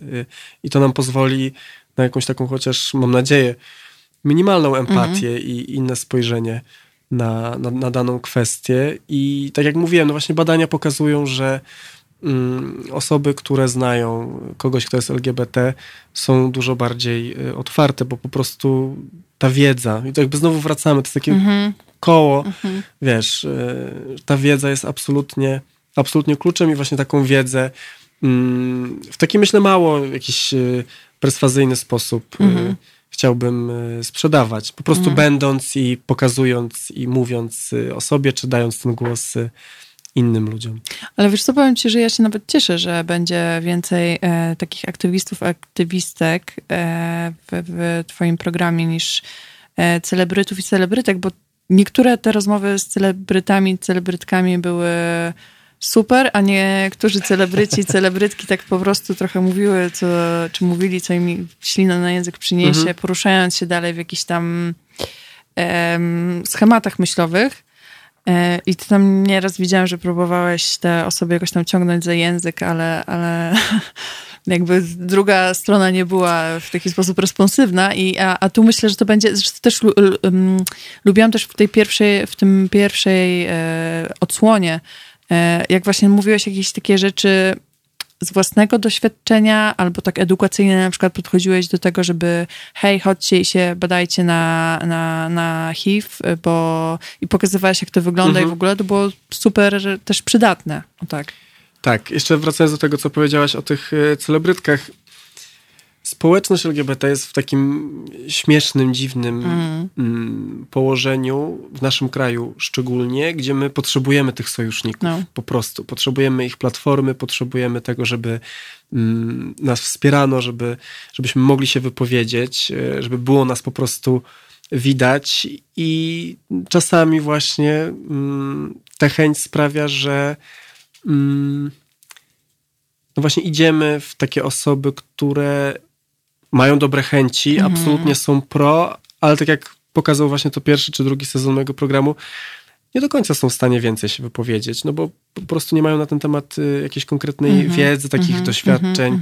Też jakby celebrycki świat, czy w ogóle nawet tutaj warszawski, bym no, tak uogólnił, mm, jest taką trochę bańką, nie? My sobie żyjemy super. Właśnie rozmawiałem z moją e, koleżanką z naszej byłej redakcji, z Wirtualnej Polski, która robiła ze mną i z moim chłopakiem rozmowę, taką właśnie z okazji Pride'a i mm, ona nas pytała o to, jak nam się żyje w Warszawie, czy doświadczamy aktów y, dyskryminacji. No i wiesz, Warszawa to jest y, Wonderland, nie? Nie mówię oczywiście, że całe miasto, że jakieś takie przypadki przemocy czy dyskrym- dyskryminacji się nie zdarzają, ale mieszkając w Warszawie, mm, ja mieszkam konkretnie na, na Żoliborzu, pracując w takiej, a nie innej branży, to naprawdę, to wiesz, ryzyko jakiekolwiek jest y, zminimalizowane, jak tylko można y, to zrobić. Dlatego też właśnie mm, chciałbym rozmawiać z aktywistami, bo oni mają dostęp, ale też doświadczenie do wiedzy, e, no, do której ja nie mam teraz, żyjąc tutaj i pracując w takiej branży, a nie innej. Oni mają kontakt z ludźmi z całej Polski, jakby znają te historie, znają te doświadczenia, wiedzą, gdzie potrzeba więcej pracy, gdzie potrzeba trochę innej pracy niż y, tę, którą wykonujemy tutaj, bo u nas, wiesz, y, aktem aktywizmu w Warszawie jest po prostu wystawa artysty LGBT i tam sobie idziemy, oglądamy jakieś fajne obrazy, zdjęcia mm, zakochanych y, par jednopłciowych czy czymś w tym stylu, ale to nie jest coś, co pomoże nie wiem, w Nowym Sączu, czy w jakiejś innej mniejszej Czy w miejscowości, czy w Białymstoku, tak, więc y, na pewno uważam, że ten głos aktywistom się należy i oni powinni mówić y, o trudach przede wszystkim mm, swojej pracy, o tym, że aktywista też może się wypalić i w ogóle o swoich doświadczeniach, które absolutnie czasami ja czytając o nich czy rozmawiając y, nie wyobrażam sobie y, takiego, wiesz, funkcjonowania, bycia na takim froncie, bo ja mam taki przywilej, że zawsze się mogę trochę schować albo y, schować tę swoją działalność, taką powiedzmy quasi, quasi aktywistyczną y, na chwilę, a wrócić do tego swojego showbizowego grajdołka.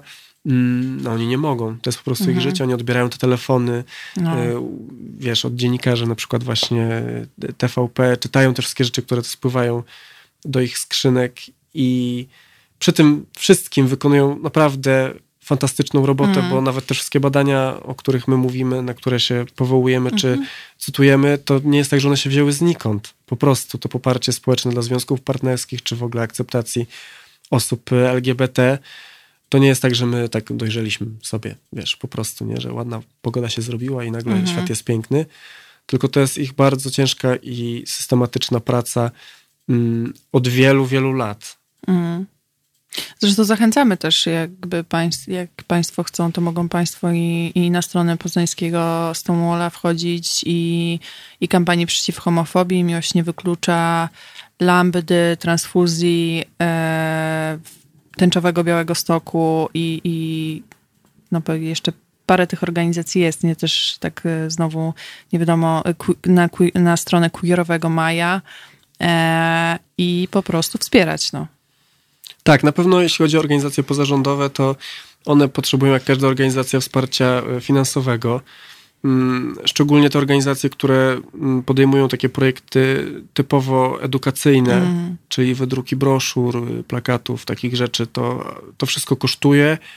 To wszystko trzeba przygotować, wydrukować, złożyć, mm, rozesłać i warto to robić, no bo tak jak mówiłem wcześniej, te efekty są naprawdę odczuwalne i zdaję sobie sprawę z tego, że życie w Polsce, nieważne czy jesteś osobą LGBT, czy nie, może być takie. Mm, nie wiem, jakiego słowa tutaj użyć, ale y, że nie wiesz czasami, co masz myśleć, bo dociera do ciebie tyle sprzecznych informacji, że nie jesteś w stanie z tego złożyć jakiejś y, całości. I myślę, że tutaj osoby LGBT absolutnie mm, mogą podzielać to, to stanowisko, bo z jednej strony mamy taką nagonkę medialną prowadzoną przez rząd, przez telewizję publiczną, przez jakieś konserwatywne e, ugrupowania, a z drugiej mamy właśnie te, te badania, jakieś kolejne coming outy, kolejne świadectwa fajnych sytuacji, takich, których e, oczekujemy i które chcielibyśmy, żeby się cały czas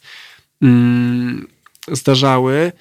I takie właśnie ostatnio rozmawiałem z taką dziennikarką z Belgii, która właśnie pytała, ta rozmowa była o sytuacji osób LGBT w Polsce i, i mówisz, no to nie ma jakby takiej jednoznacznej odpowiedzi. Jakby ona jest jednoznacz, jednoznaczna pod tym kątem, że nie mamy praw, ustaw, homofobiczny rząd i tak dalej, ale jakbym miał mówić o Polsce jako o społeczeństwie, no to tutaj jest bardzo duży znak zapytania, ale taki fajny, taki, który daje nadzieję, że jest tam, wiesz, miejsce na to, żeby fajnie sobie to wszystko mm, przepracować i budować jakby tę społeczną akceptację.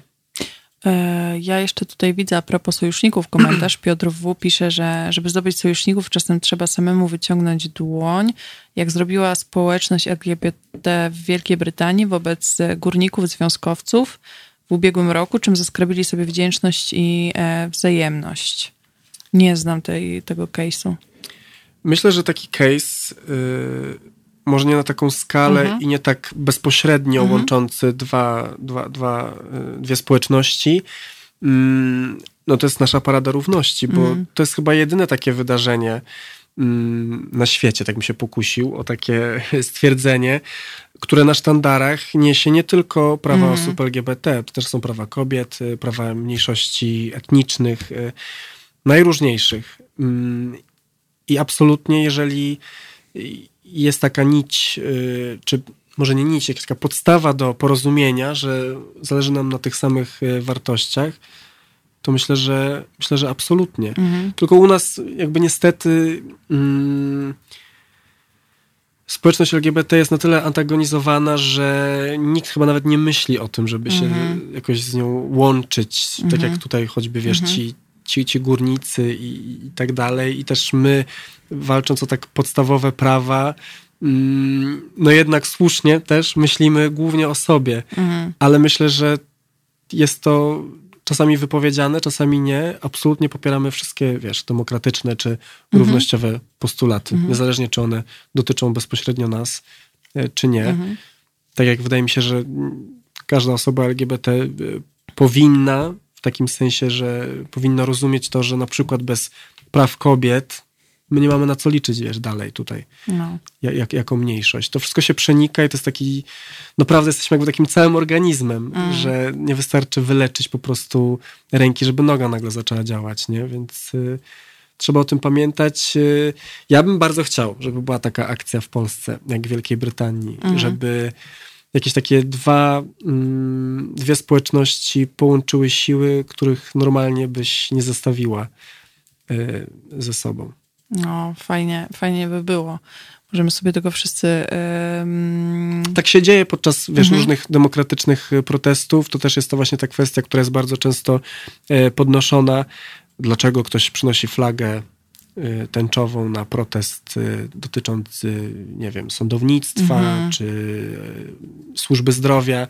No właśnie po to, nie? żeby y, dać wyraz takiej swojej solidarności, nie tylko indywidualnej, ale w ogóle jako społeczności, że słuchajcie, my jesteśmy też, też z wami. A właśnie, jakbyś e, mm, miał powiedzieć, jaki.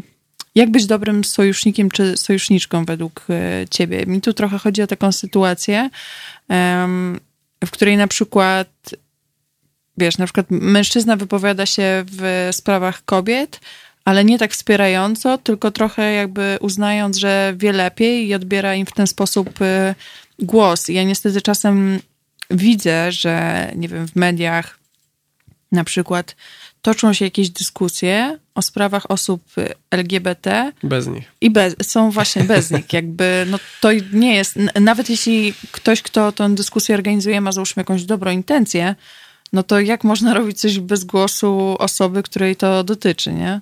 No właśnie, jakby podstawą bycia dobrym sojusznikiem, niezależnie czy chodzi o bycie sojusznikiem osoby LGBT, kobiet, mniejszości, jest oddanie im głosu. Po prostu. I słuchanie ich, słuchanie o ich doświadczeniach, o tym, co mają do powiedzenia i nie negowanie tego, nie wychodzenie z założenia, że ja wiem lepiej. Tylko po prostu trzeba wysłuchać, y, jakoś to przetrawić, jeżeli nie jest to coś, co do nas przemawia, wiesz, y, tak od razu i oferować swoją pomoc na tyle, na ile jest to, na ile jest to możliwe. Czasami naprawdę super największą pomocą jest po prostu właśnie wysłuchanie kogoś, żeby mógł się podzielić e, swoimi, swoją historią, jakimś doświadczeniem, fajnym, niefajnym. Mm, ale też na pewno w takim sensie politycznym bycie sojusznikiem to po prostu podejmowanie konkretnych działań, bo to są dyskusje, które też bardzo często wracają e, w moim gronie znajomych, e, może nie najbliższych, bo tutaj gdzieś powiedzmy z racji tego, że są mi najbliżsi, to zgadzamy się, tak wiesz, 100%, e, ale z takimi dalszymi e, powiedzmy, którzy niby są tymi, niby, no są sojusznikami w takim sensie, że akceptują, wspierają dobrym słowem, wysłuchają, ale na przykład, nie wiem, teraz na wybory pójdą i zagłosują na Konfederację. Ja mówię, no to wysłuchaj, jakby rozumiem, że jakieś tam aspekty przemawiają y, za tym, że chcesz oddać na nich swój głos, ale czy pamiętasz o mnie, że jakby hej, tu jestem, nie? Że gospodarczo ci się to podoba, ale jakby co, co- ze mną i z innymi osobami y, LGBT, nie? Więc y, jakby Ale serio są takie osoby, które... tak, tak, tak, tak, absolutnie. I wiesz, no to jest trochę takie mm, selektywne podejście do, do wielu spraw. Y, I my staramy się, wiesz, nie, nie traktujemy właśnie partii politycznych czy polityków jako jakiejś takiej całości, tylko tak sobie wybieramy, nie? Co oni dla nas, y, dla nas mają i czasami myśląc o nas zapominamy y, o innych. I jak, wiesz, zapominamy właśnie o swoich bliskich znajomych czy przyjaciołach, no to już to rodzi jakieś, y, rodzi jakieś pytania i tu, tu powinna być dyskusja y, po prostu. Ja też myślę, że mm, osoby LGBT powinny y, takie rzeczy sygnalizować też swoim, swoim najbliższym czy, czy znajomym i mówić wprost, nie? że fajnie, że sobie tutaj siedzimy w tym gronie, jestem tam, nie wiem, jedynym gejem w towarzystwie, przychodzę, wiesz, na wasze śluby i Mhm. wesela, jest super, ale czy wy jesteście w stanie zrobić coś dla mnie, żebyście mogli przyjść na mój, Mhm. na przykład y, za jakiś czas. No to są często trudne rozmowy, no bo też y, sytuacja polityczna w naszym kraju jest taka, że mm, podejrzewam, że nigdzie tak nie ma, ale no, nie mamy takiej partii, która by łączyła e, światopoglądowe z gospodarczymi i wiesz o co chodzi. I tak też nikogo nie winię, że on wa- waży sobie to nie? i mówi jakby czego bardziej chce. Czy chce mieć po prostu łatwiej ekonomicznie, czy chce, żeby jego znajomym się żyło lepiej. No to są takie pytania, na które nie ma dobrych odpowiedzi. No. Nie każdy jest takim altruistą, że nagle wiesz, mówi, dobra, mój biznes może padnie, ale niech grabari wyjdzie za mąż. No. Nie oczekuję takich, takich deklaracji. No teraz też się w ogóle trochę toczy, że tak powiem, ym, gra o to, że tak to nazwę, żeby w ogóle osoby LGBT, y, no tak jak mówisz, Warszawa to jest pewna bańka, ale no żeby w jakimś, nie wiem, innym mieście, a czy nawet w Warszawie mogły swobodnie iść za rękę albo się pocałować bez takiego strachu, że coś się stanie, no bo też dużo moich y, mm, znajomych y, LGBT mówi, że po prostu ma taki strach, niestety, żyjąc w tym kraju. Tak, i ten strach jest wpisany po prostu w naszą codzienność i on nie musi być w żaden sposób umotywowany naszymi doświadczeniami czy jakimś rzeczywistym, realnym zagrożeniem, które gdzieś się czai, ale po prostu to jest jakby też kwestia i klimatu politycznego, i doświadczeń innych osób, i jakby całego tego klimatu, który towarzyszy tej sprawie. Ja też żyję w Warszawie i za każdym razem, jak przytulam swojego chłopaka albo chcę go pocałować, to gdzieś ten dreszczyk y, emocji takich niefajnych się pojawia, mimo że wiem, że teoretycznie jakby nic mi tu nie grozi, powiedzmy.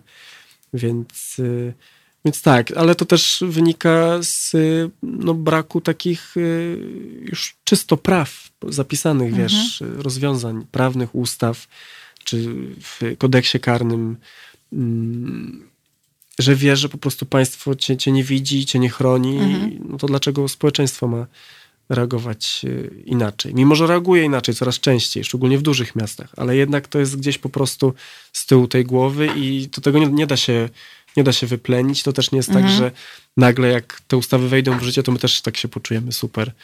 Ale wiesz, też są te- wolni. To, to trzeba czasu. Są też te badania, które KPH robiło bodajże z Centrum Badań nad Uprzedzeniami, ale nie jestem e, pewna. Na pewno KPH w tym brało udział, że e, mm, jakby sprawdzali, jak to wygląda na świecie i się okazuje, no, że tam, gdzie są mm, wprowadzone tak e, pewnego rodzaju, nie wiem, e, prawa czy zapisy w ustawach, em, które pozwalają na przykład na e, małżeństwa jednopłciowe, czy w ogóle dają jakby więcej e, praw społeczności LGBT, to też zaczyna rosnąć akceptacja e, jakby społeczna, że to, że to ma realny wpływ po prostu na, na, na to, jak się ludzie zachowują w danym kraju. No tak, oczywiście, to jakby to też jest taka najbardziej oczywista rzecz na świecie i ostatnio toczyłem takie dyskusje też ze swoimi znajomymi, którzy mówili najpierw edukacja, trzeba społeczeństwo przygotować. I ja mówię, owszem, ale jakby legislacja jest formą edukacji. Jeżeli prawo ci mówi, że coś jest okej, no to nie masz To tutaj za bardzo tak, no. pola do, do manewru. Oczywiście masz takie, wiesz, y, że możesz sobie pomyśleć, że nie, czy mieć jakieś tam y, wątpliwości, ale jakby z czasem tak się to po prostu y, stanie. Wiesz, no myślę, że jakby mm, były u nas wprowadzone związki partnerskie, czy już nie mówiąc o małżeństwach jednopłciowych, no to taka jest naturalna kolej rzeczy, nie? Że ludzie przyjmują to jako coś y, normalnego, skoro jest dopuszczane y, w, w prawie. Zresztą też mogą zweryfikować te wszystkie historie, które, które prawica i, i e, też niektórzy posłowie PiS lubią opowiadać, że skoro będą małżeństwa jednopłciowe, to już nie pamiętam, który to poseł mówił, e, że, że jak coś takiego zostanie e, wprowadzone, że mm, to, i, znaczy to było w kontekście tego, że jeśli nie wygra Duda, to zostaną wprowadzone małżeństwa jednopłciowe, a to ze sobą pociągnie jakieś małżeństwa ze zwierzętami. To jest w ogóle absurdalne, więc jeśli takie, taka e, legislacja jest e, i funkcjonuje, no to ludzie też mogą zweryfikować te brednie, które e, opowiadają takie osoby bardzo anty, jakieś takie homofobiczne hasła. Mogą zobaczyć, że to wcale jakby No tak on- nie działa. One mogą to zobaczyć już na przykładzie innych państw, ale myślę, że jednak ten przykład Mhm. własnego jest taki decydujący. Też my lubimy być jakimś takim narodem wybranym w naszych y, wyobrażeniach Tak. i że te nasze doświadczenia są zupełnie inne Mm. niż te, które mają e, inne państwa. Więc myślę, że tak. I dlatego tutaj też nie zgadzam się z tą retoryką lansowaną przez y, kandydatów na, na prezydenta i w ogóle polityków, nawet takich, którzy są powiedzmy mm, uznawani za liberalnych w swoich poglądach, którzy właśnie mówią o tym przygotowywaniu, jakiejś takiej wojnie ideologicznej, czy czymś w tym stylu. Y, czy w ogóle jakby tej retoryce, która każe mm, myśleć, że prawa osób LGBT czy jakiejkolwiek innej mniejszości są zależne od jakiegoś referendum, które jest ankietą. Wiesz, to, nie wiem, jak, jak to można bardziej obrazowo wytłumaczyć, ale to tak jak, wiesz, ktoś, kto jest hetero, musiałby postawić się w takiej sytuacji, że chciałby wziąć ślub, ale najpierw jakieś grono osób Mhm. musiałoby zagłosować, czy on No. może. No to wydaje nam się to totalnie absurdalne, No. ale to jest jakby nasza, nasza rzeczywistość, nie? Więc yy, no nie wiem, jakby ten temat jest u nas bardzo mocno wykorzystywany mm, politycznie. Nie spotkałem się jeszcze... To jest trochę tak jak z coming outami w show biznesie, nie? Że w ogóle osób publicznych, że one jakby się nie dzieją na taką skalę, bo jest widmo jakichś konsekwencji. Mhm. Że ktoś straci pracę, ktoś przestanie grać w serialu, kontrakty reklamowe A, cztery. Mhm. i tak dalej. Ale czy tak naprawdę my mamy przykład y, takiej sytuacji, czy jakby rzeczywiście jest ktoś, kto się wyautował i mógłby z czystym sumieniem powiedzieć, że właśnie dlatego, Mhm. Wiesz, takie rzeczy się stały. Nie mówię oczywiście teraz o ludziach, którzy pracują w TVP, no bo to jest jakby coś oderwanego od takiej, wiesz, rzeczywistości. Wydaje mi się, że nie. Tak samo y, to, że politycy pewni nie, nie wspierają tak jawnie osób LGBT, czy nie lansują, wiesz, tych postulatów w swoich kampaniach, też jest takim strachem umotywowany, że to im zgubi poparcie. Ale czy rzeczywiście jakby...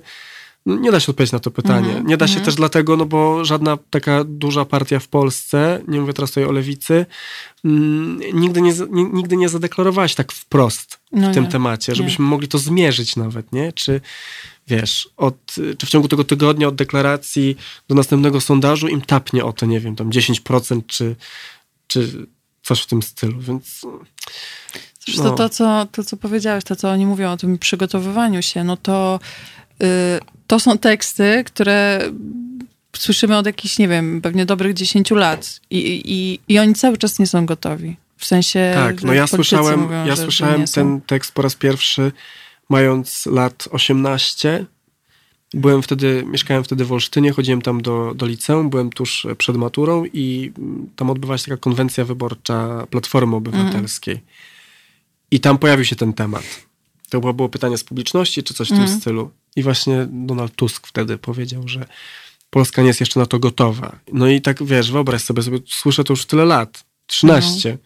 Więc ile jeszcze? Jakby kiedy będzie, jak to jest w ogóle zmierzalne, że kiedy, wiesz o co chodzi, że nawet ja bym tę retorykę w jakiś sposób zaakceptował, gdyby ona się opierała na jakichś takich właśnie mm, konkretnych wytycznych, nie? Typu, że ktoś mi mówi, słuchaj, Polska będzie gotowa, jeżeli w jakimś tam badaniu wyjdzie 60% czy coś w tym stylu. No to ja wtedy wiem, co mam robić, wiem, do czego mam dążyć, aktywiści też wiedzą, jest jakiś jasny cel. To jest oczywiście bardzo nie fair, takie podejście, ale jest konkretne.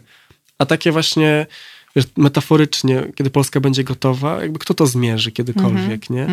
Zawsze będzie jakiś procent ludzi, którzy będą bardzo pewnie. przeciwko, którzy będą w ekstremalny sposób manifestowali e, swój przeciw, nawet być może e, brutalnie. No ale czy to jakby każe nam wtedy, wiesz, zawijać ogon i mówić, no dobra, to jednak jeszcze nie jesteśmy gotowi, bo tam jacyś kibole wyszli, czy prawicowcy w Białymstoku, nie?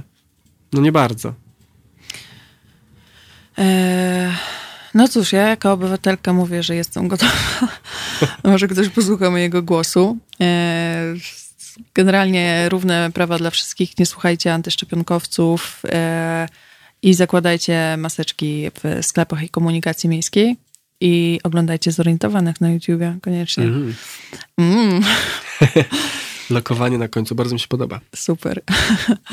E, No, drodzy Państwo, e, moim gościem i Państwa gościem był Piotr Grabarczyk. Dziękuję Ci bardzo. Ja bardzo dziękuję.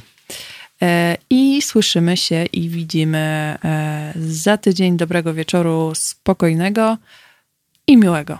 No.